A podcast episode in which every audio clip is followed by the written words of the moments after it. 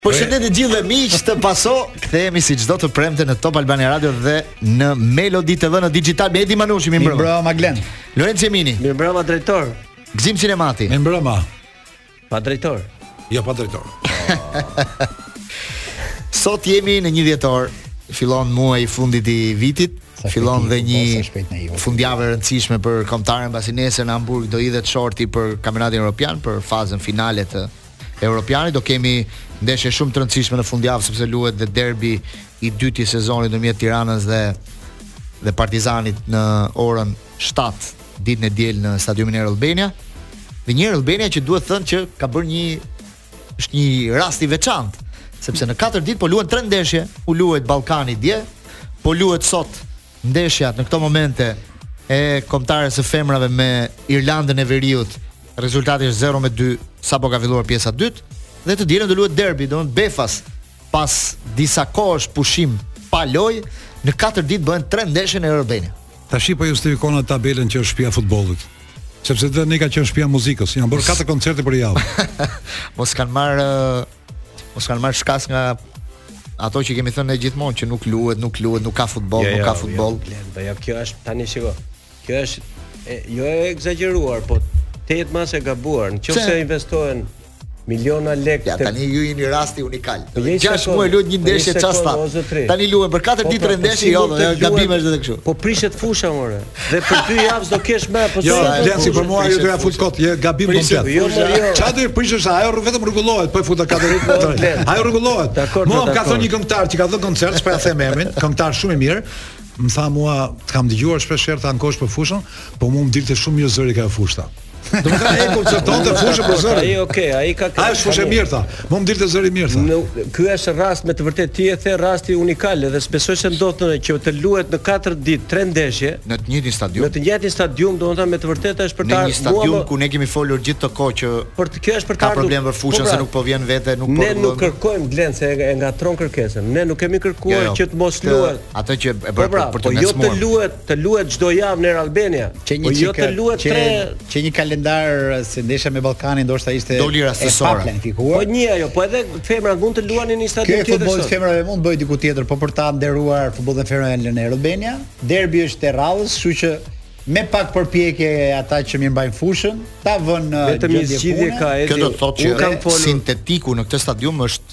mbi atë terren natyral. Me atë që ishte në fushë natyrale, tre ndeshje për katër ditë nuk ka shanse të luajë. E vetmja zgjidhje. Do të thotë koha e ka favorizuar pak se nuk ka rënë shi gjatë dy ditëve të fundit. Për për tapetin e Air Albania është ajo që ti e di si mua sepse ke folur me atë zotrin që ishte në stadium. që këtu të bëhet një tapet gjysëm sintetik dhe gjysëm natyral. Ashtu pra është hibrid. Siç e nuk është ashtu edhe kjo akoma, jo, jo. Siç e siç e përdorin vendet uh, Suedia, Finlanda, Danimarka, ajo ka garanci 10 vjeçare që mund të luash pa limit sepse ndryshe kështu kjo nuk Glen se. Do kthehemi prapë. Tash po thua na gjithmonë, ne duam një gjë që çdo 6 muaj të kthehemi të harxhojmë lek. Ç'pun ke ti? Pse i kanë hallet aty?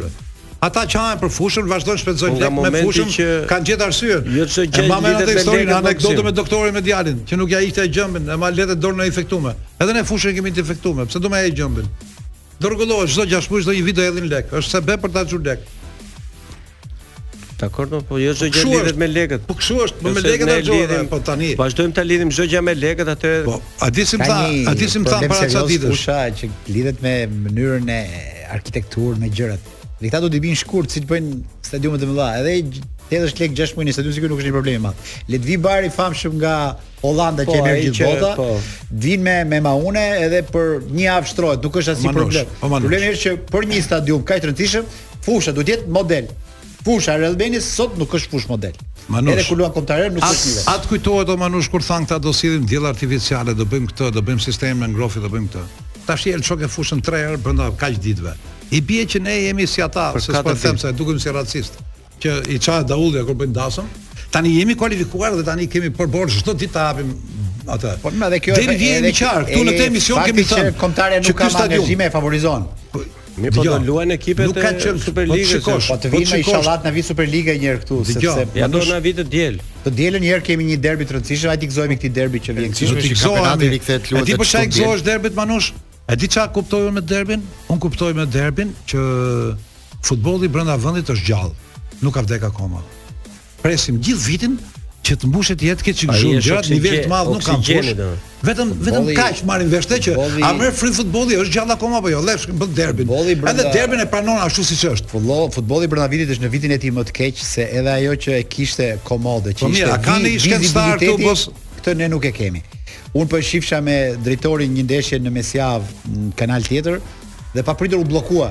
Futbolli i këtij viti është në pikë të hallit. E kanë për kategorinë superiore, kategorinë e parë dhe gjithë zinxhirin e futbollit. Gjithë Manush në nivelin e tij më kritik dhe problematik. Manush, do të themi nuk e shohim dot, nuk e shihim dot, nuk ikim dot në stadiume sepse stadiumet janë bosh. Dinamo ime e gjorë nuk ka shtëpi. U them inshallah është Albania që të një Dinamo e gjorë një derbi këtu. Manush do të bëj një pyetje, Manush do të bëj një pyetje do të bëj një pyetje. Si nuk te të kanë e disa intervista janë dhënë sot nga drejtuesit e federatës që kur u kualifikua kombëtarja? A ka burrë nëne që ka shpjeguar një herë pse ky kampionat është në vdekje dhe pse kombëtarja është në ngjitje? A do njeri ta shpjegoj shikoj çfarë thotë ai kur del presidenti, shikoj çfarë del sekretari, tjetri, tjetri. I shmangen komplet gjërave. Ata nuk i japin përgjegjësi as për shpresën. Për shpresën s'i japin llogari, për ndonjë lështa, 17 vjeçar që brenda dy javësh kanë ngrënë 20 gola, një tufë, një thes me gola, nuk thotë njeri gjë. Biles ka mbyll gojët e dynjas. Tani, a mund të shpjegohet kjo kur kombëtarja është atje dhe kur neve jemi këtu me kampionatin? Cila cila është shpjegimi? I bie që evropiani nuk ka lidhje fare me futbollin shqiptar. Sa më keq bëhet puna këtu, ata e duan për maska, është një qyp i madh manush që mban erë gjithë, po i kanë fut një një një cipë të vogël me mjaltë. Sa për gjithë. Mjalti është kombëtarja, sa, sa për ta gënjyer. Futbolli është ai që luhet në vend. Totalisht dakord. Kështu mendoni?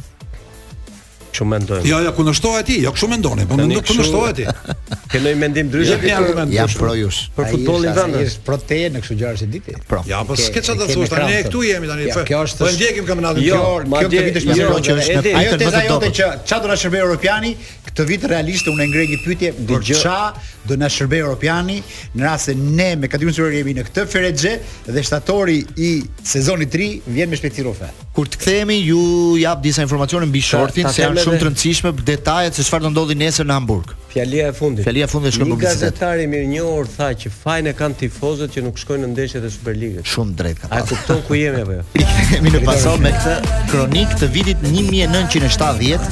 Një ndeshje Partizani Tirana në stadiumin Qemal Stafa fitoi Partizani 2-1 në atë kohë, ishin dy gola të Panajot Panos dhe një gol i Memës për 17 Nëntorin e asaj Ali kohe. Mema, Ali Mema. Ali Memës, po. Theksohet. Ali Mema. Theksohet se është heroi. Ali Mema, Niko Xhaçka, Panajot Pano. Na sill pak dhe na fut pak në jo, atmosferën e, e derbit, pasi janë dy skuadra që kanë fituar më shumë tituj. Më pëlqeu shumë kronika, do doja më shumë emra sepse emrat domethënë janë nderim për futbollin që kanë luajtur. Po megjithatë të tre emrat që u përmendën, unë do të tregoja nga një histori. Me Ali Memën kam pas një moment intim kam qenë një herë në një drekë përpara se të ndodhte që ai të mos ishte më gjallë, edhe më tregonte për gjithë jetën e tij. Domethënë ishte jeta e një njeriu të pafat. Ka qenë një nga yjet e futbollit kur nuk është kur nuk është uh, mburur, kur nuk ka marrë lavdi. Biles brenda brenda memave ka mema që kanë marrë lavdi më shumë se vetë ai. Ai ishte domethënë simboli.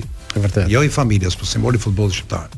Ky është Jati Adit. Ali Mema, i jo, po, Jati Adit. Jati Adit. Jati Adit. Jati Adit. Nëse për të sqaruar. Do sulën këta, ky e ka nip sulën. Mall shumë. Sulën e ka nip sulën Mema. Njeri i mall shumë i nuk e di, domethënë shumë i veçantë, special fare. Unë nuk e kam gjithë kronikën e tij në mendje, kam parë shumë ndeshje të tij, por mësuesit e mi edhe në shkollë, kështu dhe trajnerët që kanë pasur në sport, Më kanë folë me një devocion shumë të madh. Domethënë ai hyn te. Lojtarët më të mirë që ka pas vendi. Po dhe njeri, për atë flitet si njeri i madh fakt në ditë. Jo i madh, po jashtëzakonshëm. Si, këtu, Kur nuk fliste për vete. Tamam një lider domethënë. Ai asnjë s'e kaloi nga këta edhe, në vërtetë. Edhe kishte këmbën që çalonte, që kishte këmbën pak të sëmurë, për ti, edhe biçikletën nuk e kishte të re. I thashë Ali, dhe për çit? Asgjë s'ke në rregull. Nuk kam në rregull, këto janë ato që kam thoshe. Se, domethënë, njerëz të tjerë që të luante futboll Ali Mema në një vend tjetër do ishte dikush tjetër. Kurse këtu ka qenë derisa iku, iku me modesti dhe shumë i përkulur. Kurse për Panon m'u kujtua një gjë në derbi Manush, ta kam thënë dhe një herë, nuk e di në radio kemi thënë në Proces. Ëh. Uh -huh. Që Pra te Pano është halli i madh kur vinte derbi. Dhe i thonë profesor Lymit, profesor tha halli më i madh joni është Pano, i tha ai, nuk besoj që është vetëm Pano, tha. Partizani është ekip i fortë. Nuk kanë vetëm Panon, Pano është më i miri, tha, po ne, hajde jemi ka halli i Panos, tha. Do t'ju bëj një pyetje ju, tha. Kush do ta markojë Panon nga ju, tha. Kush është në gjendje të më eliminojë Panon, tha, që të mendojmë për hallet e tjera. Çoi dorën njëri ta mbaj unë presor, çoi dorën tjetri ta mbaj unë presor, u çuan tre veta për të mbajt Panon. Tha, oh, tha, unë kujtova tha se kishim pak njerëz tha për të eliminuar Panon. Ju dolët tre veta vullnetarë tha. Qiti nga çanta një mace, e lshoi në korridor, kapeni tha, kjo është Pano. e kapni dot atë Panon. Na ke treguar këtë vetë këtu. Na ke treguar këtë. Historia tjetër e Panos e bukur, nëse s'e kam treguar, është një tjetër që tifozët e Tiranës para një derbi e morën I thanë Panos je më i madhi në Shqipëri, si ty s'ka pas kurrë Shqipëria bam bam i bën shumë qejfe, i bën kur i dhanë kordele, i dhanë gjitha dhe në fund fare i thanë që do pimë nga një gotë. Pimë nga një gotë, Pano kishte qejf. Po. Pimë nga një gotë dy tre gota katër gota dhe kur vajtën pasaj tifozët e Tiranës i thanë që Panon mos e quani sot tha, se i dhamë tre gota. Edhe Pano për çdo gotë bëri nga një gol. Do të thotë me gota ai të të të, të shkatërron. Ai kishte lindur për atë punë. Çfarë? Kurse Niko Xhaçkën që është akoma gjallë dhe e takoj nga liqeni, është nderim i madh që e takojmë që e takojmë sot në emision. Them në thonjëza që e takojmë, sepse është një brez shumë i harruar dhe ne e kemi kujtesën e shkurtër. Sa më shumë t'i kujtojmë më mirë është, i nderojmë ata. Po, po më latë, po më latë drejtori për Niko Xhaçkën, me thënë dhe unë diçka po. se kur kemi qenë ke shkolla e mesme Gjuhët e Huaja. Unë e kam pas mësues gjeografie. Dhe në mbrëmjet e maturës që bënim në atë kohë, shtuna masdite ka pas mbrëmje, shumë jetë ka pas qyteti, dhe ishte një këngë që ke si huaj, them, profesor, ç'është kjo muzikë, na lodh me këtë muzikën shqiptare, i thonim ne. T'ja fusim vërtet, kjo është sudi noje popos. Kjo është su dinoj. Këtë ah, su dinoj. Dhe niko ah, datë do të thotë. Kjo është su dinoj e pupos me këtë tallën. Derbi do luhet të dielën në orën 7 pasdite. 19:00. Po, besoj që ti dhe Lorenci do shkoni apo. Jo? Po, po, po. Ne, ne jemi edhe abonuar në. Ne ndjekim çdo ndeshje. Kemi dhe shefin e protokollit të procesit të emëruar tani Tan Stoker që na gjen vendin ku akomodohemi, na sjell çajin e ngrohtë dhe gjëra të tjera. Është E bukur se Ylli Aga më shkruan, janë luajtur 200 ndeshje, kampionat, kupë dhe superkupë midis Tiranës dhe Partizanit. 200 ndeshje në gjithë historinë e këtyre dy ekipeve. Ylli, Ylli do do të do i sjell në mend Ylli Agës meqë po na ndjek atë që ka thënë papi, që ta ndajë mendjen. Ça do të është Yll apo është Aga? në derbi, në derbi. Të të dyja i ka, të dyja. Në derbi, ça është në derbi? Sepse e çuditshme është që gjithmonë në këtë orë na ndjek.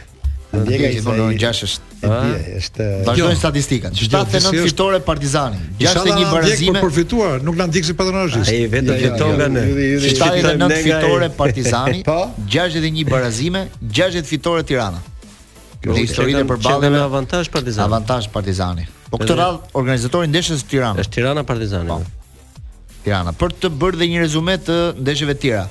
Të shtunën luhet Egnatia Vllaznia, Skënderbeu Erzeni, të dielën pastaj Kukësi Teuta, Dinamo Laçi në orën 4 dhe Tirana Partizani pastaj Dinamo Laçi ku luhet Dinamo Laçi në Elbasan do në Durrës. Apo në Durrës. Gjithë ndeshjet Dinamo do i luajë në stadiumin e Durrësit tani. Të Teutës. Po të Teutës po. Dhe deri tani janë shitur 7000 bileta, thotë Ylli për ndeshjen e të dielës. Derbin. për derbin po. Po si është kjo me me vërtet fakt derbi si ka mundsi Gëzim që mbetet vetëm derbi. Tani unë kam filluar të mendoj një gjë. Ë, domethënë, jo jo ta jo se kjo formula duhet ta shohim deri në fund për të parë nëse na sjell gjëra të reja në në apo jo. Ë, mos duhet me shku me një lloj shpejtësie më të madhe ke ndeshjet që mbushin stadiumet me tifozë të mëdha. Nuk ke pse lë një lagunë të madhe ti në një ndeshje që një gjithmonë ka uri,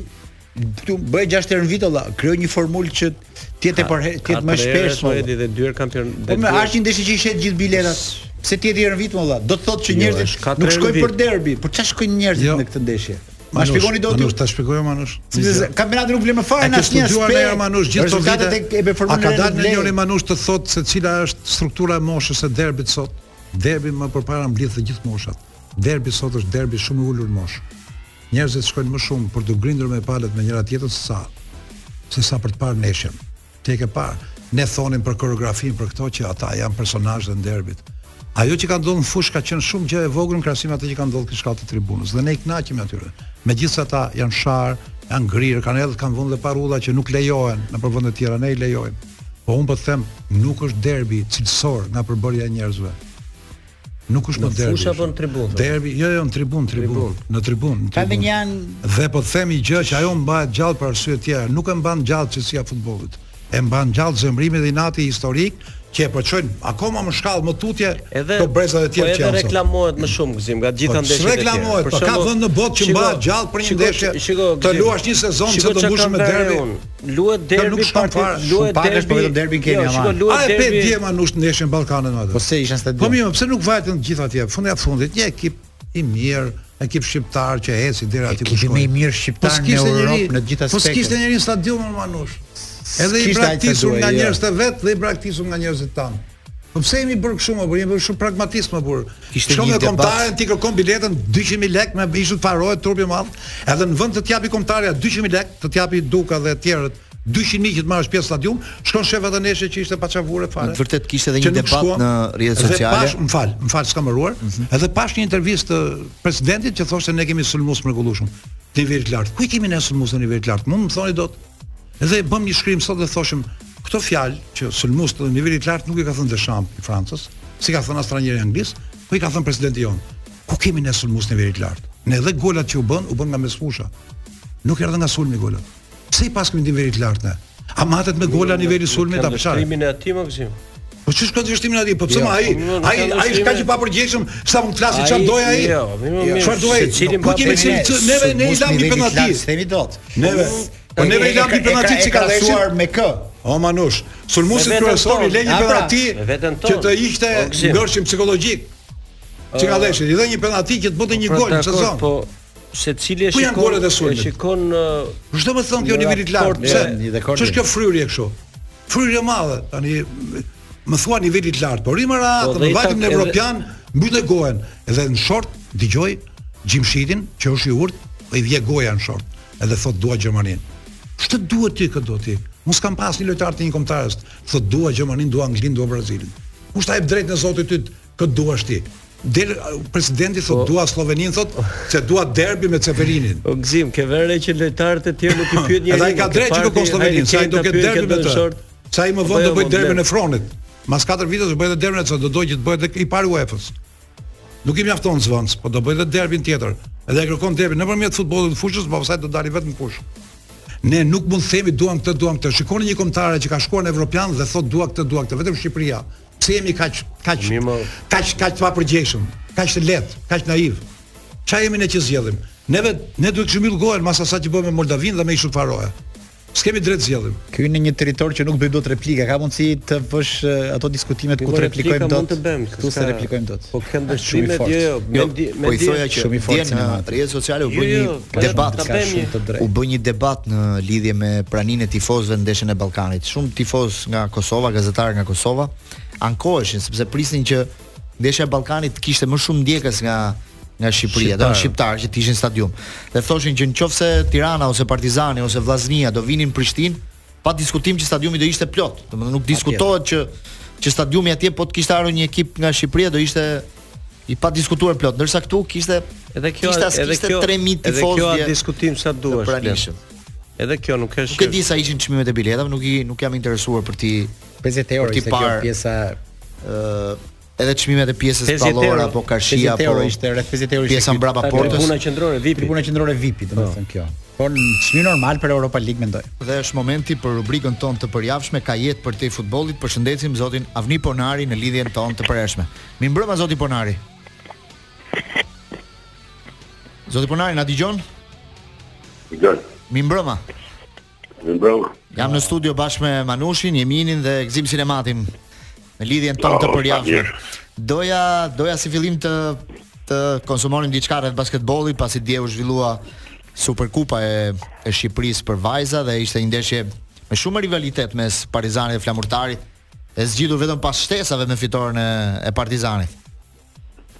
Po.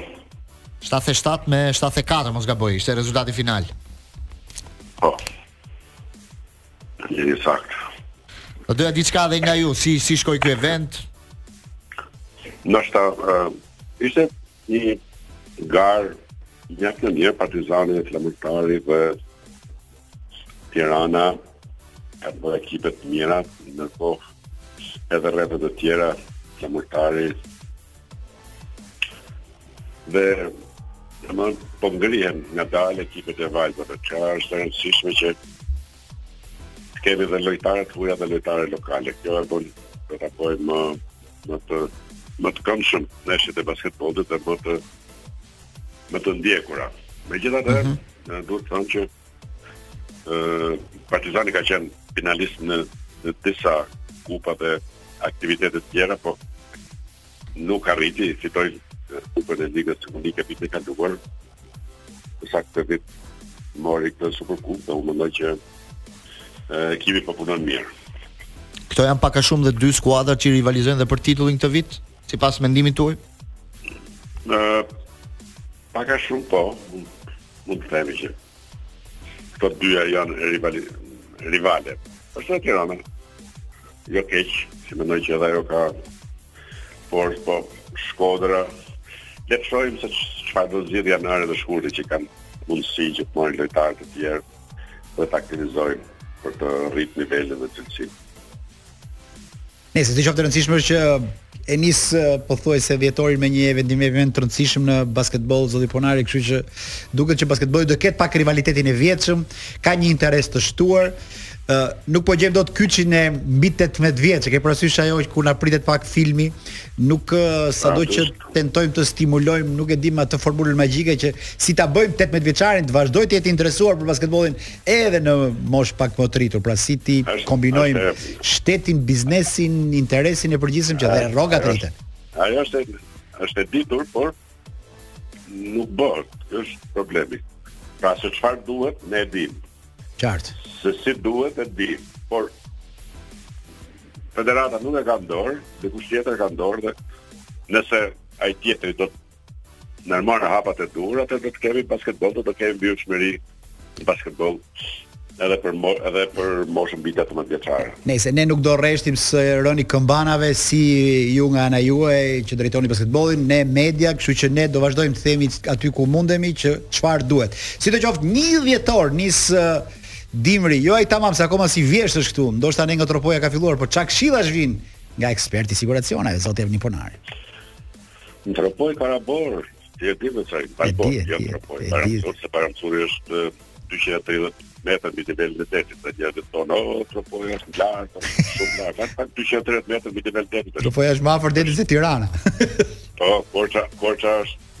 750 800 metra. Pa pa.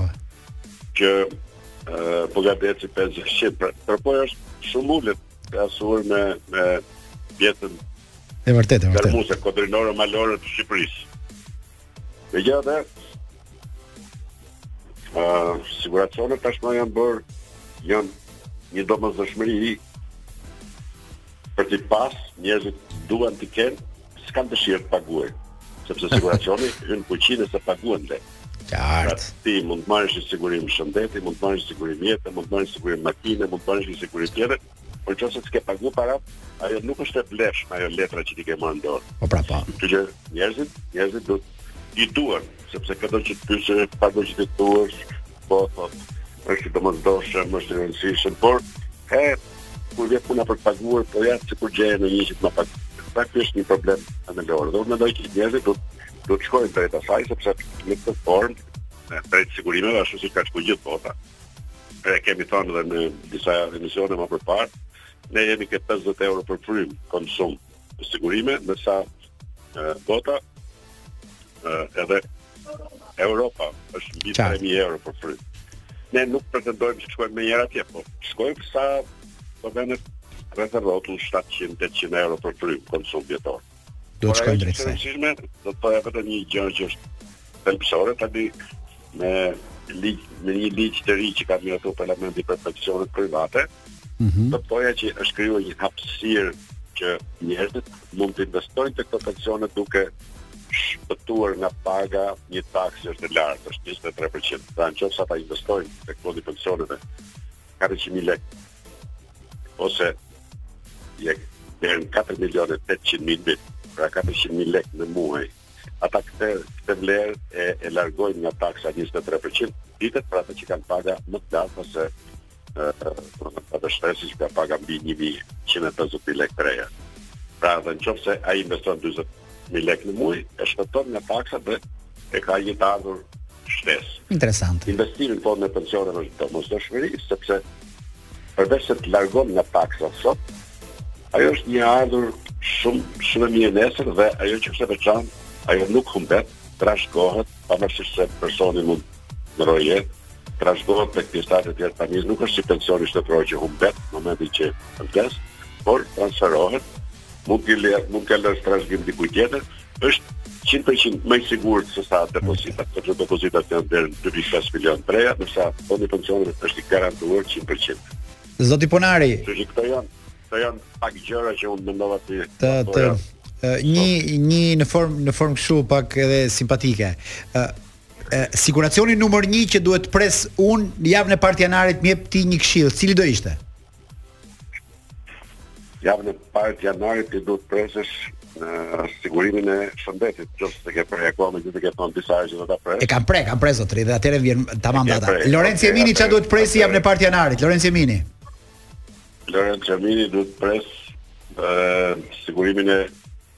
makinës, bëj një kasko. Unë kasko e kam. Kasko. Gëzim Sinemati çfarë duhet të presë? Urgjent, shpejt, Gëzim Sinemati, të lutem. Gëzim, Gëzim Sinemati. si gazetar i vjetër i vjetër dhe shumë i njohur i sportit. Çfarë duhet të presë? Do ta provokoj, do të sa herë dal në studio të sot. Për shembull tani ne kishim një rast një futbollist që pati një dëmtim të klavikulës dhe nga që është e siguruar te Sigal Natyrisht, menjëherë u pagu nga ne, ishte një vlerë jo e vogël dhe prindërit nuk dinin gjë që djali i tyre tetë vjeçar kishte thyer dhe po kërkonte që ta ndihmonin. Gëzimi do të thotë që, ore, nuk mund të ketë futbollist të çfarëdo lloj moshe. Të pasiguruar. Të çfarëdo lloj moshe, që nga mosha 10 vjeçare që luajnë futboll deri në moshën madhore që mos ketë siguracion. Mos mos ketë siguracion do të thotë që të ta lësh atë fëmijë apo atë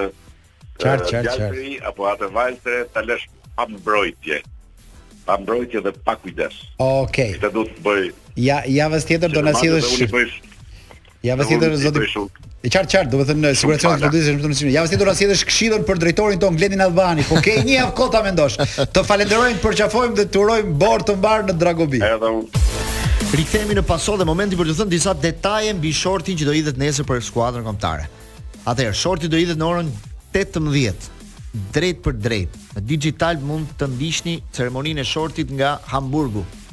Një sallë spektakolare. Ceremonia zgjat 50 minuta. Por procedura e shortit vetëm 20 minuta.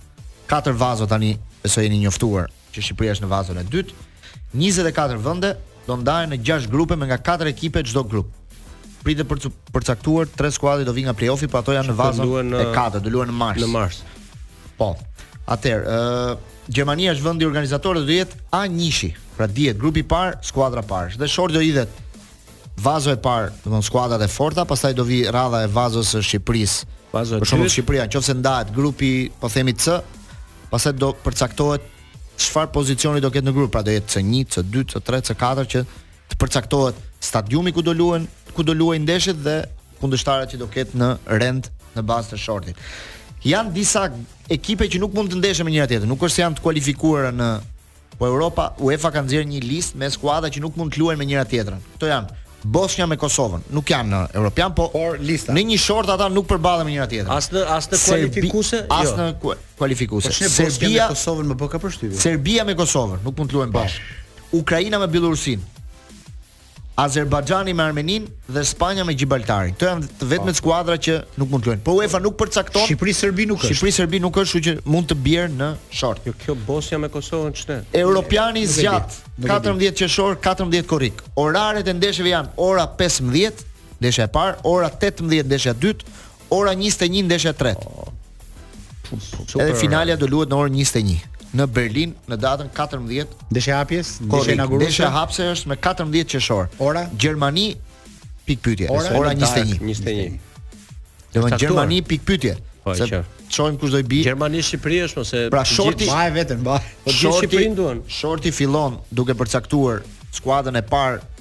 domethënë në grupin B, sepse grupi A është përcaktuar Gjermania. Ndeshjet do luhen në 10 qytete.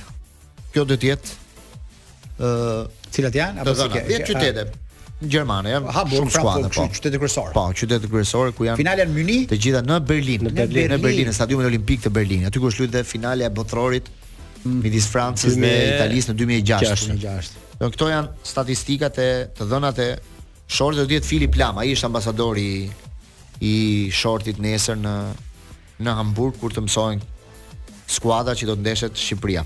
Ça, ka ndonjë surprizë tjetër ky short? Kaq. 20 minuta zgjat ka... e gjithë, domethënë si procedurë shorti zgjat 20 minuta. Ceremonia është 50 minuta. Çka një lloj spektakli. Që organizon UEFA ceremonitë e veta në Hamburg ku vendi organizator jemi ne, jemi ke shorti Gzim, nuk e di lajmi i madh, jemi ke shorti. Lajm shumë i bukur Manush, lajm i madh. Jemi ke shorti, realisht jemi kënaqur tani që jemi. Po ne nuk i lëm lezet shortit se njëri thotë jo Gjermania edhe këtë. Po mirë, më mirë. Kemi drejtë që gjithë njerëzit thonë një krajsi. Më përpara, më përpara do kisha edhe unë do kisha një qef. Gjermani, Holland, Itali. Unë do doja po, Itali ta kishin vetë. Sigurt që do dojë Gjermani. Është Greqia, është Greqia në këtë. Jo, jo, jo. Është në play-off. Jo. Pra Greqia se ka ka dhe play-off-et. Polonia është në play-off. Manush, kam shumë njerëz që duan Gjermaninë, se që kur tha Duka duan Gjermaninë dhe shkojnë mbrapa Duka duan Gjermaninë. Më përpara e donin Gjermaninë se do merrnin para, se e drejta televizive kushtonte shumë Gjermaninë. Tani s'kemi. Kurse sot e duan për tangërllëk Manush.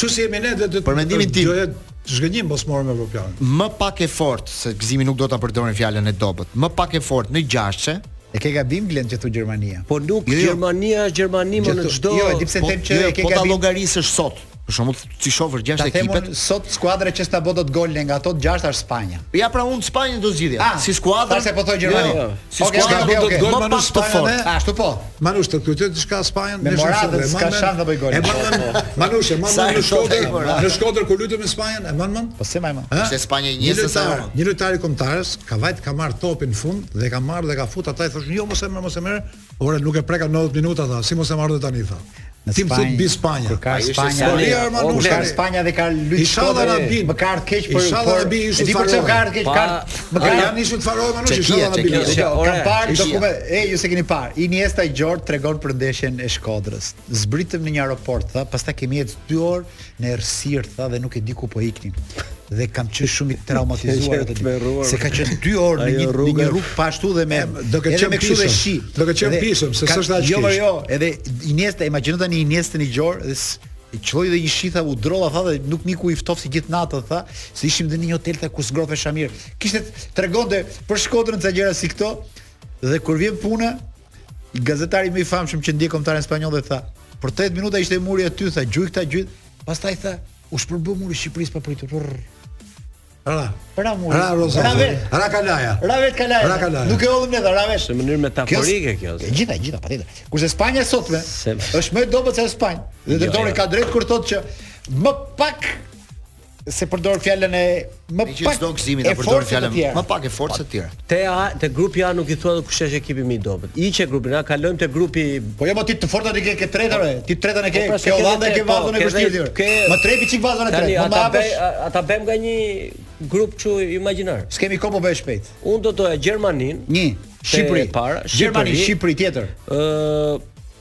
Kush është e treta tani se duhet t'i mbaj mend i ke. Holanda.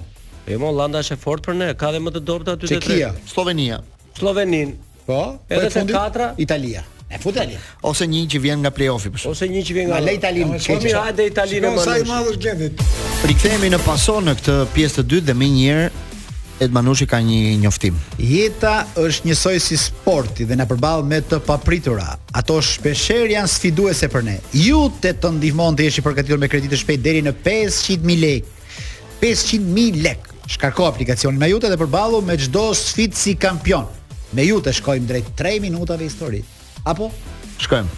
Sot do flasim për Totocalcion, ajo që njihet një nga lojërat më të famshme jo vetëm në Itali, sepse u zgjerua edhe më tepër, por në Itali një nga lojërat më të famshme për shumë për po- shumë vite. Popullore, më popullore. Kush e krijoi, si vazhdoi ecuria dhe çfarë ndodhi pastaj me Totocalcion? Ishte një gazetar i Gazzetta dello Sport, që quhej Massimo della Pergola. Ishte hebre, Ai që krijoi Totocalcio, loja më e famshme e futbollit në Itali. Ai u in, u internua nga Italia në Zvicër në kohën e luftës së dytë botërore në vitin 1943 bashkë me familjen e tij në një kamp përqendrimi sepse Italia fashiste nuk kishte vend për për ebrenjtë dhe u u fsheh aty në një zonë të në në Zvicër dhe qëndroi aty derisa mbaroi lufta. Dhe pikërisht në ato vite të vështira ku ishte në rrezik dhe jeta e tij dhe e familjes së tij dhe një djali që ai kishte vetëm 3 muajsh, ai krijoi Totocalcion, lojën që italianët luajtën për shumë vite.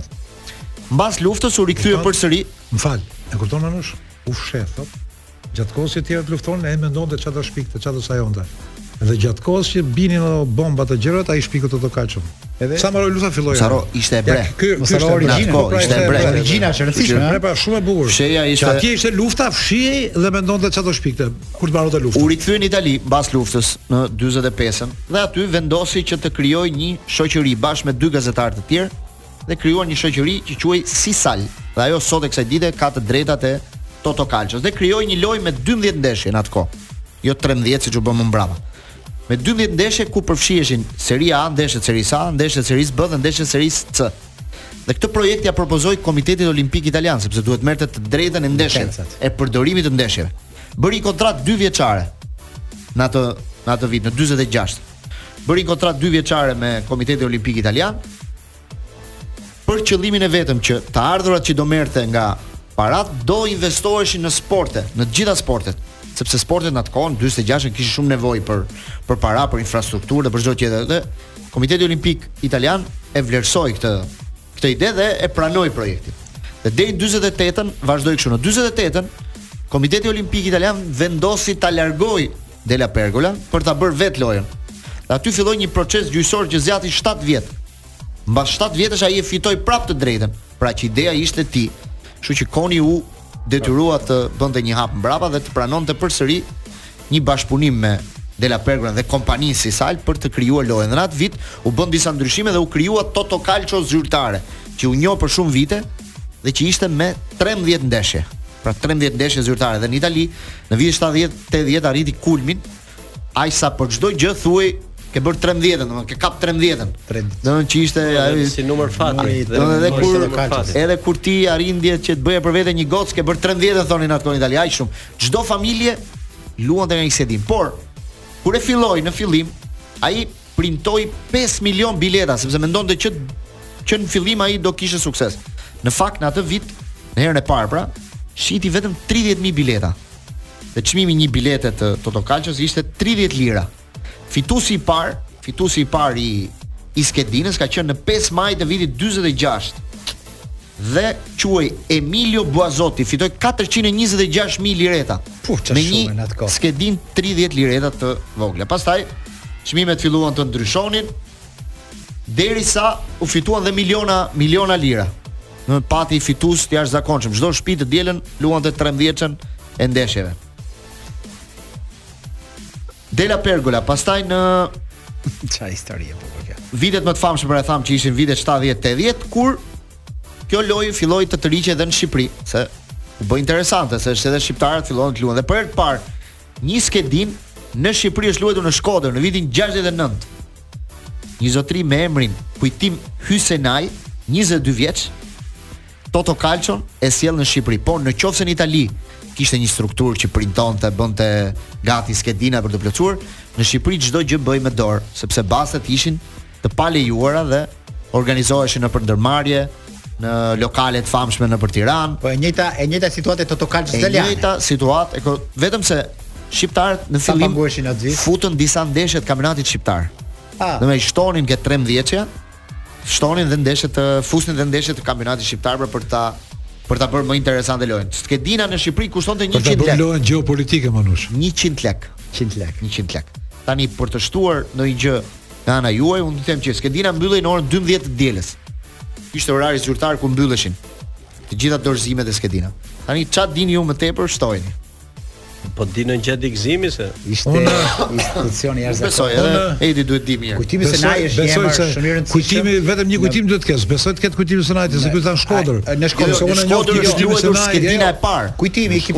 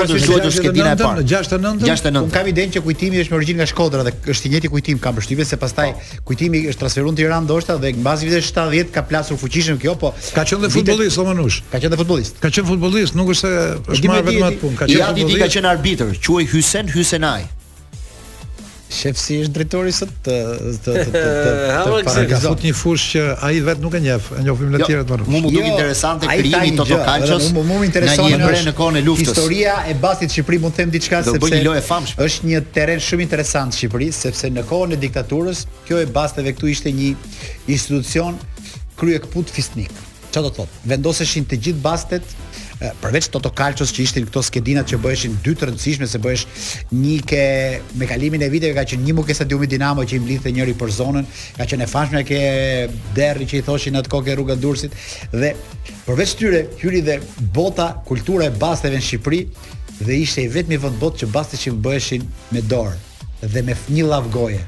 Edhe bastexhinjtë ishin me kokrra, ky dhe pelushi, xhutsu, ishin ca personazhe aq të rëndësishëm në qytet. Ti e njeh se në komunat... Tino doktori që është sot i dërguari ynë special në Itali për çështje të mëdha, ka qenë bastexhiu më i ri në atë kohë, dhe ka qenë smart nga truri dhe ai mund t'i kapte të dy periudhat, po ai ku luhej Toto Calcio, 13. Ai do bote këto gjëra që i bëri me të male me tjerë tu, ai mund t'i bote i pari, se pastaj u mekanizuan gjërat dhe kush e bëri i pari ishte ai që kishte lidhje me bastet e asaj kohe. Sidoqoftë, si institucion, kjo bastet në Shqipëri ka qenë e jashtëzakonshme. Ke lagjja ku kam jetuar un kombinat, ka pas bastexhi të frikshëm. Bastexhiu numër 1 në lagjen time ka qenë një Zotëri fatorino, që quhej Li Bushi, është i jashtëzakonshëm si personazh. E ka gjë Bushin futbolist? Nuk e di, fis ai fis mund të jetë. E, ai fis mund të jetë. O, dhe, bien gjak. Po, shë... Tre vjeqe të qikë, të të të kaqë. Ata, ata lunin trembëdhjetëshe, po, Manush. Për periudhën që flas unë, hyri dhe basti ballë për ballë. Se për shembull, në kampionatin botëror të Vitit një mijë e nëntëqind e tetëdhjetë e dy, kam pas një komshi unë që ka qenë me ngjyrë, që vuri gjithë lekët e veta për Kamerunin dhe për këto skuadrat që luante me Italinë, u bë milioner. Manush, ka mundësi, ka mundësi të japësh një detaj të bukur për bastet, Manush, mbas reklamës. E fundit, e fundit, thua, thua. Dëgjo. Tempulli, zyrat kryesore,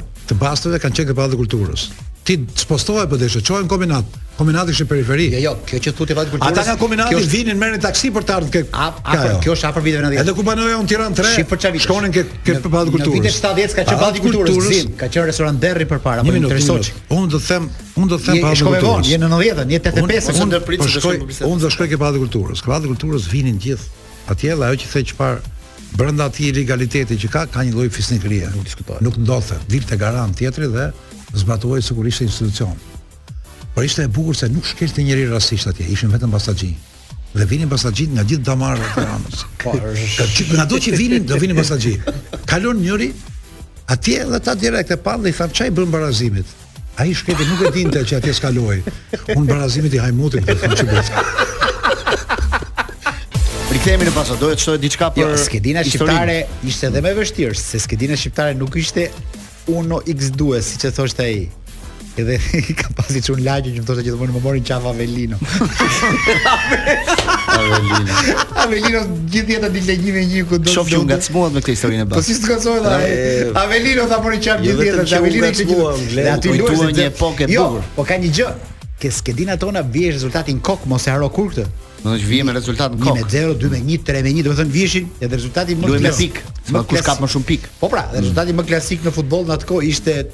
1 me 0, 2 me 1 në Itali, kampionati italian. Ai shtonte edhe dëshirën për të parë kampionatin, e bënte më interesant, do të thotë po, Itali u bë sëmundje. Rezultati më tipik i Italisë atëherë ishte 1 me 0, 1 me 1 ishin. Po. Aty kush kapte 1 me 1-shën, un kam kap një 4 1 me 1-shë dhe Avelino për fat të mirë më nderoi. Dhe kisha të laj dhe Avelino më torturoi. Dhe ka qenë shumë e bukur, kam fituar një skedinë atëhere, po si ti do të do të tregoj ndonjë herë tjetër. Jo me që jemi te bastet, mm, mm. po po vim te bastet tani që ka një vit që flitet për bastet dhe ah, tani këto nuk kanë nuk nuk e kanë sharmin e atëhershëm të basteve. Një... Dgjoj, jo. tani do ju tregoj një histori jo të asaj kohe, të viteve 90 kur erdhën kompanitë e reja, pa emra, pa gjë, që erdhën të huajt që e propaganduan lojën, u industrializua madje. Dhe unë kisha një gazetë private që e botoja dhe isha në prani atje. Ai që do bëhej drejtor kompanie, i gjithë kishte kompaninë dhe bullgarët që sillnin lojën. Dhe shprehja më e madhe aty ishte te çka kishim dëgjuar ne Manush 70 dhe çka ka ndodhur deri sot, vlen kjo shprehje dhe është e pavdekshme. I tha ai shqiptari aty tha, po si është kjo lojë kjo kështu, mos po hymë rrak tha se për këtë lojë tha janë kujdesur zotat, tha, të bastave tha. Ë dy veta do fitojnë tha. Ti tha që ke kompaninë dhe ai që s'vjen. Po ai që s'vjen tha, ai do i mbaj lekët në xhep, ai që vjen do e haj. Kjo është e vërtetë. Kto janë bastet me pak fjalë Manush. Se po t'i hysh thellë është një histori shumë e bukur, shumë e gjatë, vetëm po, një po. gjë kam thënë bastet e atëhershme. Ishin ishin më afër kulturës perëndimore ne atëre. Kurse sot bastet janë katastrofë. Sot mund të lë shpinë, të lë garazhin, të lë peng njerëz të shtëpisë, kurse atëre luaj për të marrë pjesë. Po, ishte për të marrë pjesë, ishte ishte basti, nuk ishte qëllim për të për të pasur për të fituar, po, ishte për të marrë po, pjesë. Ishte ajo ishte Gledi, duhet merret dhe si pjesëmarrje për shembull që bëhet më popullor, më popullor futbolli e kjo ajo. Ishte edhe më. Kurse sot vjen bastet dhe para 10-15 vjet nga 20000 nga 15000 nga këto, historia, ajo pastaj është tmerr, ai është fundi i futbollit. Historia e Pallatit të Kulturës vazhdoi deri afër viteve 2000 se unë mbaj mend kom pas një mik italian këtu, më tha çfarë bëjnë gjithë këta, thashë bëjnë baste. Ua, tha po ec të vëmë për Juven, tha mu. dhe marrim lekët e karburantit e këto. Ikim, një të shkuar atje, një të vënë bast, me një tjetër doktor të rëndësishëm që ka qenë këtu kirurg, s'ia them dot emrin se i ka lënë këto punë. Edhe i thotë italiani mbasi vë bastin dhe gjunke faqa, grazie fesso. Grazie fesso, i thonë faleminderit budalla, si vure këto baste humbe tha. Ik, pa pa dhën lek po një fare, një të shku në shtëpi, spageti ne çefo çefo çera ta. Po. Fitum lekët. Hëngri Juvja.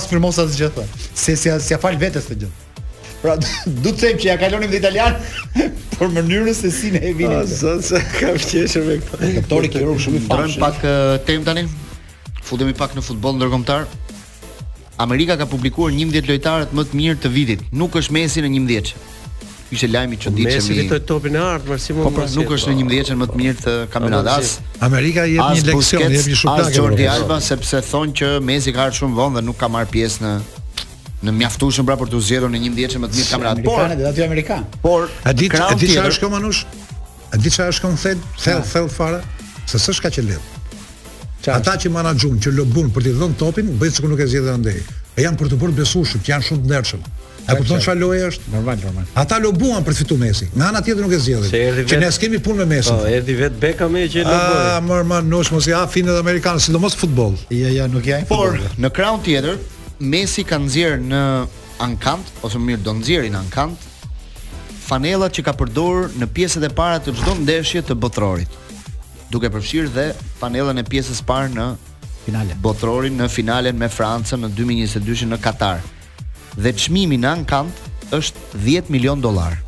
Wow, ky shënon një rekord për kohën e shkurtër në të cilën bëhet ankandi, sepse jemi vetëm një vit mbas botrorit dhe për shumën e majme që Messi do marri nga fitimi i shitjes së këtyre fanellave. Të mos gaboj duhet të jenë 3, 7 fanella deri në finale 7 ndeshje.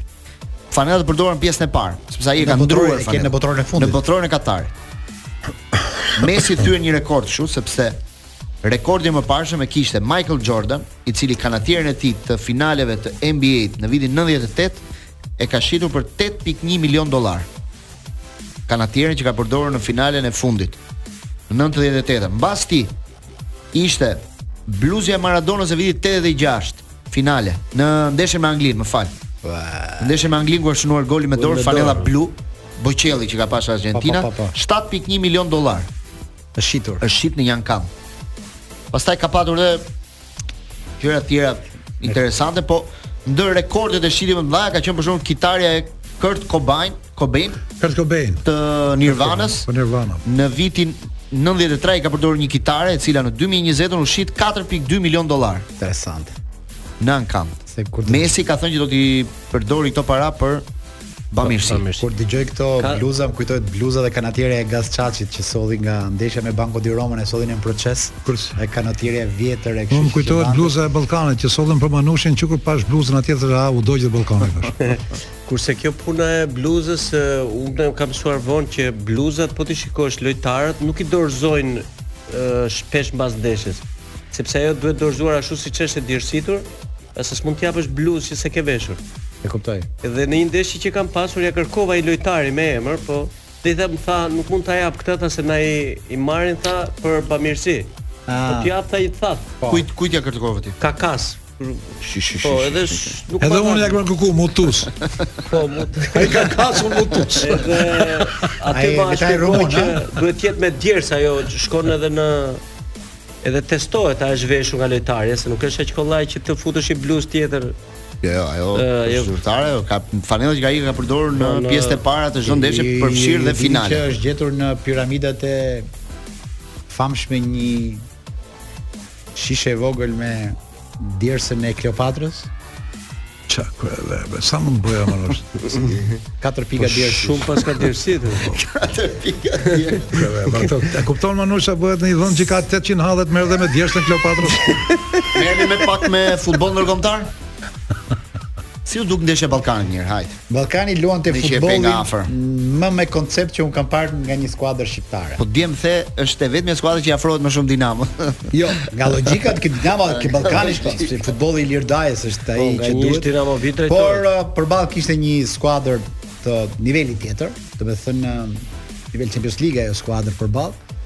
Duket që diferenca, por prapë un s'kam pa një skuadër në Shqipëri, as Partizanin, as Tiranën që të luajë me nivelin e Ballkanit. Kjo ishte përshtypja ime e parë. Të vjen keq se Ballkani punë e tifozërisë që po thoj çfarë është e Suharekës si gjë, domethënë është është pak edhe një krijesë artificiale në thonjëza futbollistike domethënë se në qoftë se Ballkani do kishte nga mrapa një lloj emri përfshi një skuadrë shqiptare do ishte në filozofinë e Ballkanit ishte pak Skënderbeu i para ca viteve ajo filozofi është Ky Ballkan do kishte stadiumin plot dhe mund të kishte bërë edhe një çudi më të madhe. Po sido qoftë, e ka një shans në fund të fundit pozitiv. Kualifikimi po, duhet duhet të fitojë në Zagreb me Dinamo. Fitojë me Dinamo Zagreb, e cila nuk është në vitin e saj më të mirë, por shumë e vështirë si impreza po ta quani. Rëndës Manush, a më shpjegon dot pse stadiumi ishte bosh? se s'ishte plot. E shpjegon dot? Dëgjo, që të bëj as të vetë s'ishin po t'i bëje apelin po t'i bësh takova një hapshë regjistrin mund të kishin mungesa në apel di si më tha një kosovar dje në stadium që u ndjeva keq në fakt tha dëgjo tha ti tha je në Tiranë tha ata ata kanë një lloj admirimi për ne që ne ndoshta nuk ia nuk ia kthemi të njëjtën nuk ia kthemi është vërtet këtu më vjen çik keq se do ndoshta jemi çik borzhli ndaj atyre për shumë gjëra. Unë tha brenda këtyre 10 ditëve kam ardhur 5 herë në Tiranë. Isha në Vlorë, i kam punë, erdha këtu në paradën e, domethënë strapacimi i madh, po a kupton ti tha ti je në Tiranë, tha, ti lëviz nëpër gjithë Shqipërinë, tha, edhe nuk paguan asnjë gjë për as për rrugët as për gjë tha. Ti në Kosovë nuk vjen se s'ke punë tha dhe mua s'më pëlqen që s'vjen në Kosovë tha. Ti Manush duhet vish në Kosovë, ju duhet vini në Kosovë se ne kemi këtë këtë. Në fakt ikim më pak për një milion arsye dhe kjo është një tjetër reflektim. Ndoshta me këtë rast mund të bëjmë një udhëtim më shpesh atje. Por më tha, e kupton ti tha sa herë kam paguar unë 5 euroshin e e vetmja rrugë në Shqipëri që paguhet tha është rruga e kosovarëve tha. Të vetmit njerëz që paguajnë rrugë në Shqipëri tha janë ata tha. Si s'paguan ti për Dhërmi tha mu që ikën gjithë verën atje. Sa herë. Po s'i ke thënë ti? Jo. Po nuk i ke thënë ti Manush vërtetën fare. Ai 5 euro paguan, po në Dhërmi kur kalon trarin në Dhërmi e di sa paguan? Qimet e jo, kokës. Është fare vërtet. Po çfarë thua, gjithë jugu ka trarë more. Jo, jo, ai mund të po ketë. Po të paktën aty duket po trar, po këtu ka që as duket trar. Mund të paguash vetëm një vend në Shqipëri që ku paguhet është kufiri, domethënë se vetëm kosovarët e mbajnë atë vakt. Po nuk e lëmë trarin, do të them një gjë. Kjo jo, kjo bëri një një pse atë pyetje pse ka një, domethënë për të kuptuar një çik diferencën, po, për të kuptuar një çik jo, që Gëzimi tha pse s'ka shqiptarë këtu. Po, po kjo pra se ne nuk i përgjigjemi një gjë të bërë pra. dashurisë që që kanë ata ndaj nesh më. Ata vijnë mbushin stadiumin tonë gjithë grupo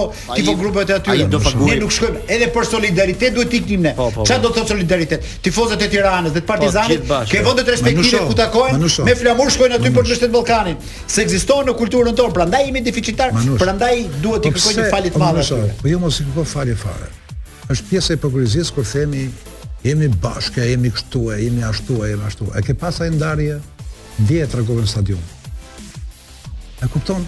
Domethënë, ta dhanë përgjigje vetë. Pjesëmarrja është përgjigje shumë dhe politikës dhe sportit. Politika jo në është... është nuk, nuk është puna... Majmë, jo, jo. majmë njërë tjetër, më dy kërë njësër nuk klasë njërë tjetër, më të... Po, janë gjithë kunja gjithë gjërë. Po, po, vetëm të themi një gjë, në qoftë se s'do kishim fushat mirë, siç e kemi problem gjithë jetën fushat neve, dhe do kishim fushat ata, do shkoja atje. A kishim siguri që do stadiumi të ishte plot? Atje gati? 100%. Po pse ndodh kjo? Ata luajnë në Prishtinë. Do të thotë, pse do ata? Edhe për pak atë arsye që janë më dashamirë se ne. Po prandaj po të them. Ne jemi me edhe me paragjykime. Bëjni reklam federata jonë që hapi stadiumin këtë që Ballkani përfaqëson futbollin shqiptar. Asnjë gjë. Ata kanë ardhur me shit bileta. Po se po të shiste biletat federata jonë, do e qante.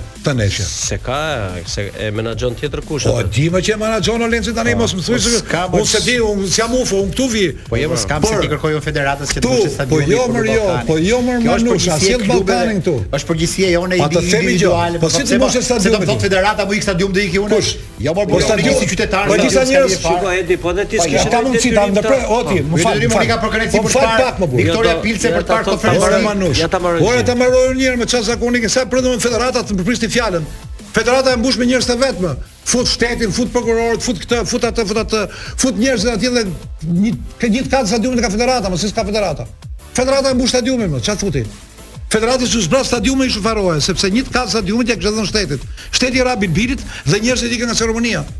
Ju s'e thoni kurrë, s'e thonë gazetat, s'i thonë gjërat, se duan ta paraqesin që janë gjëra të lumtura shumë dhe ne po shkojmë në Evropian. Ne kemi thënë proçen si njerëz që janë ceremonia. Po pse do të luante Ballkani këtu? Do me ka përgjigj grupet e zëmë se fiton të diell. Dhe më aq pak njerëz do ishte turp i madh shumë.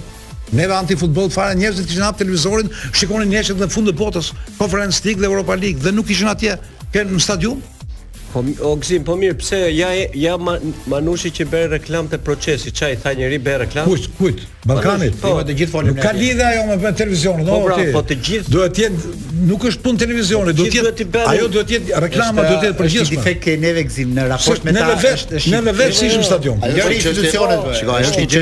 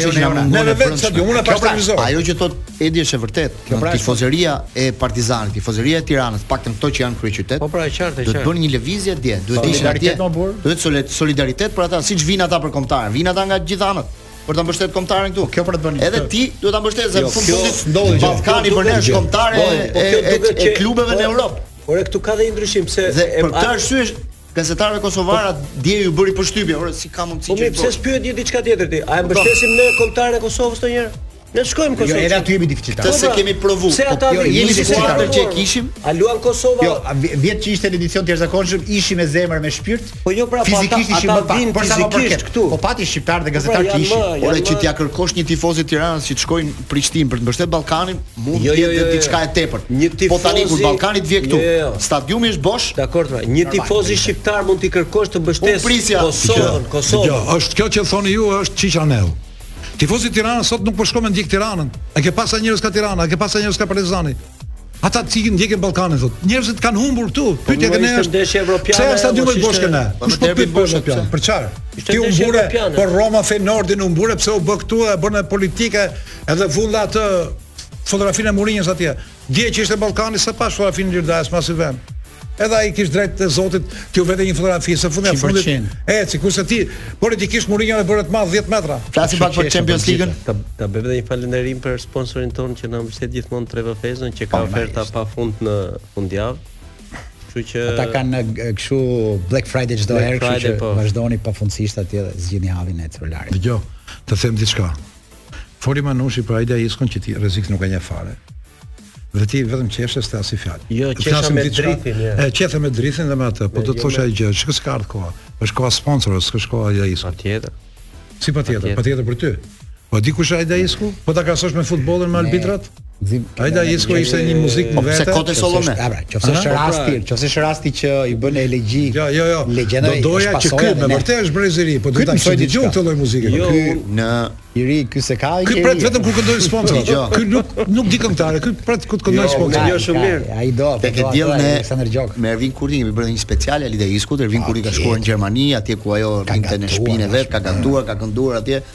Është një reportazh shumë i bukur që mund ta shohësh në YouTube. Ka ardhë, ka ardhë edhe në Shqipëri ke shumë Alida Hisku, shumë i bukur. Është emër shumë i madh i muzikës, ama ajo ka një histori personale shumë të trishtë.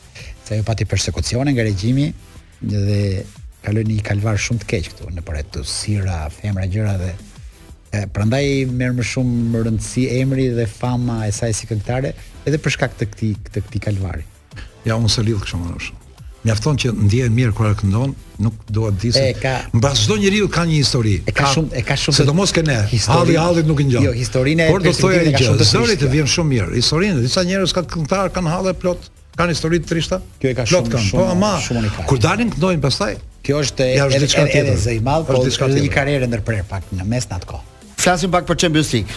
Dy skuadra në prag eliminimi njëra është Milani që është pothuajse i eliminuar, pothuajse edhe i takon të eliminohet. Ka një përqindje shumë të vogël mundësish që mund t'ia dalë. I takon. Dhe skuadra tjetër është Manchester United, që prapë është edhe në vështirësi i takon, edhe Manchester United. Shumë të madhe sepse kur shef Milanin, Sevillën, këto skuadra, aty kuptohet se hendeku me Në Champions League është tjetër botë, do të thënë hendek i madh. Ti të gjitha, do të thënë nuk luhet më Po jo, po ndeshjen e fundit me Dortmundin Milan ishte Jo, jo, hendek shikoje fare me sy. Hendek fizik, more a kupton ti se si hapen skuadrat. Ka bërë dhe Maldini një intervistë ku kishte sulmuar goxha fort drejtuesit e sotshëm të Milanit, edhe presidentin madje që unë kisha një përshtypje që ai ishte pak një rol babaxhani në skuadër, po në fakt sot Maldini e kishte sulmuar. Skaroni mirë, domethënë. Si thoshte? Duke thënë që kur ne fitonim, ai ishte i pari për të bërë foton. Ama kur mundeshim ose dilnim barazim, largohej i pari nga stadiumi para se të mbaronte ndeshja.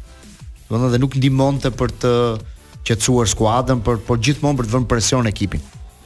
Ishte sulm frontal, domethënë, do të thënë përveç atij që është sot ka dhe një pronar i skuadrës. Ka dhe një mbeti më lirë. Patjetër, ai këtë pas... thoshte që unë nuk fola direkt kur u largova, po fola po flas sot që jam pas 6 muajsh më i qetë. më i ftohtë në gjykimin tim, i pranonte të gjitha ato faturat që i kanë vënë atij për skuadrën që ndërtoi vitin e kaluar, po, po ama po, duhet të folur edhe pati jo. sukses doli kampion. Jo, jo kampion s'doli vjet. Vjet doli Napoli po, po kampion, po, po doli deri në gjysmëfinale të Champions League-s. Por se këtë Maldini rëndon ajo që nëse Juventusi nuk do ishte dënuar, Milani do ishte jashtë Champions League këtë vit, kështu që Mos ta harrojmë këtë gjë. Me pikët që grumbullojnë në kampionat. Jemi në pjesën e fundit të Pasos. Çfarë do bëni këtë fundjavë? Unë nesër jam nisur drejt në Durrës, po para se të iki do të ndaloj ke Kadiu se ka nevojë për një vaj filtra total. Për 40 minuta mi bëjnë ata në mënyrë rekord dhe me cilësi të jashtëzakonshme. Ti Lorenz, uh, unë do ndalesh. Kam pak më të më të trishtë Pas Ka situata, diu, ku do shkosh? Sepse do shkoj ke mami, kemi të shtatat nesër, kështu që. Apo, e kam pak ditë më. Fare.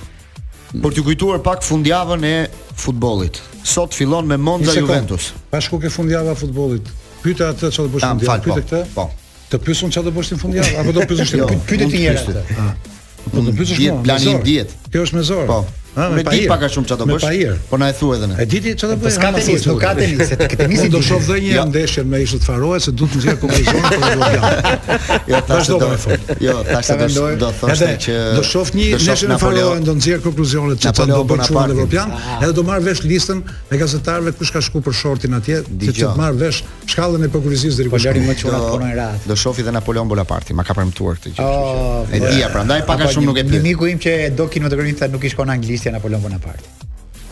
A do të përgatitu dhe për këtë. Ke një vizitë afër te. Oh! Erma jonë që na sjell flladin rinor të Lanços.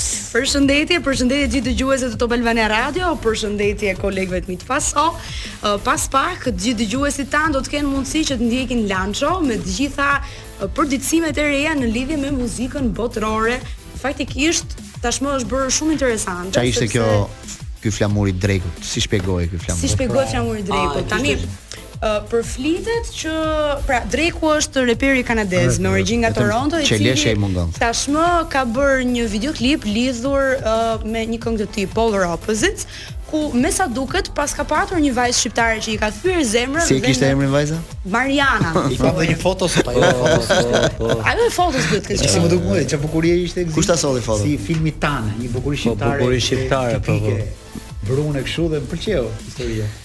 Kush kjo femra e Drake-ut? Jo, Mariana, Mariana. E ka, unë po kam pa Drake-un, ka pëlqyer Drake-u. Ai faktikisht e ka shfrytëzuar uh, këtë historinë që ka patur me Marianën për të bërë një përfaqësim të Shqipërisë në videoklipin e tij duke shkruajtur emrin e këngës me gjithashtu të bashkëngjitur uh, emblemën tonë Edhe një xhaketë me shqiponjën tonë, po. kuq e zi. Dhe ishte shumë e bukur sepse ishte pikërisht në rastin kur ne festonim 79 uh, vjetorin e çlirimit. Një arsye më shumë për të ndenjur me Ermën dashurisht sepse kjo ishte vetëm pak nga ajo që do të shoqërojë këto dy orë kaos. Fillo me fundjavën ti, thuaj pak ndeshjet çka të shpejtë që të ndalin. Sot Monza Juventus, se ti i ke qejf ato. Ndeshjet e kampionatit italian. Nesër pastaj Arsenali luan me Wolverhampton orën 4, Newcastle Manchester United. Shumë ndeshje e fortë. Në Angli kemi këtë javë përballje shumë të forta. Chelsea me Brighton. Dhe pastaj kryendeshja është Manchester City Tottenham. Dhe është shumë e bukur. Në Itali Napoli Inter të dielën në darkë. Duel shumë i fortë për kreun pasi Napoli me një fitore mund të rifutet përsëri ose afrohet me kreun. Shumë 5-6 pikë mbrapa. Milan luan të shtunën me Frosinonen. Ndërsa në Spanjë, dueli më i rëndësishëm i javës është Barcelona-Atletico e Madridit të dielën në orën nëntë në mbrëmje. A do e futi dhe shorti në orën 6. Barcelonës pyesin nëse do shënojë gol. Po Joao Felix. Kam një pyetje për Ermën. Jepi. Si e ke shoqërinë të ndarë më shumë në tifozëri me Tironën apo me Partizanin se kemi derbin e madh të dielën. Tani unë flokët e kuqe i kam,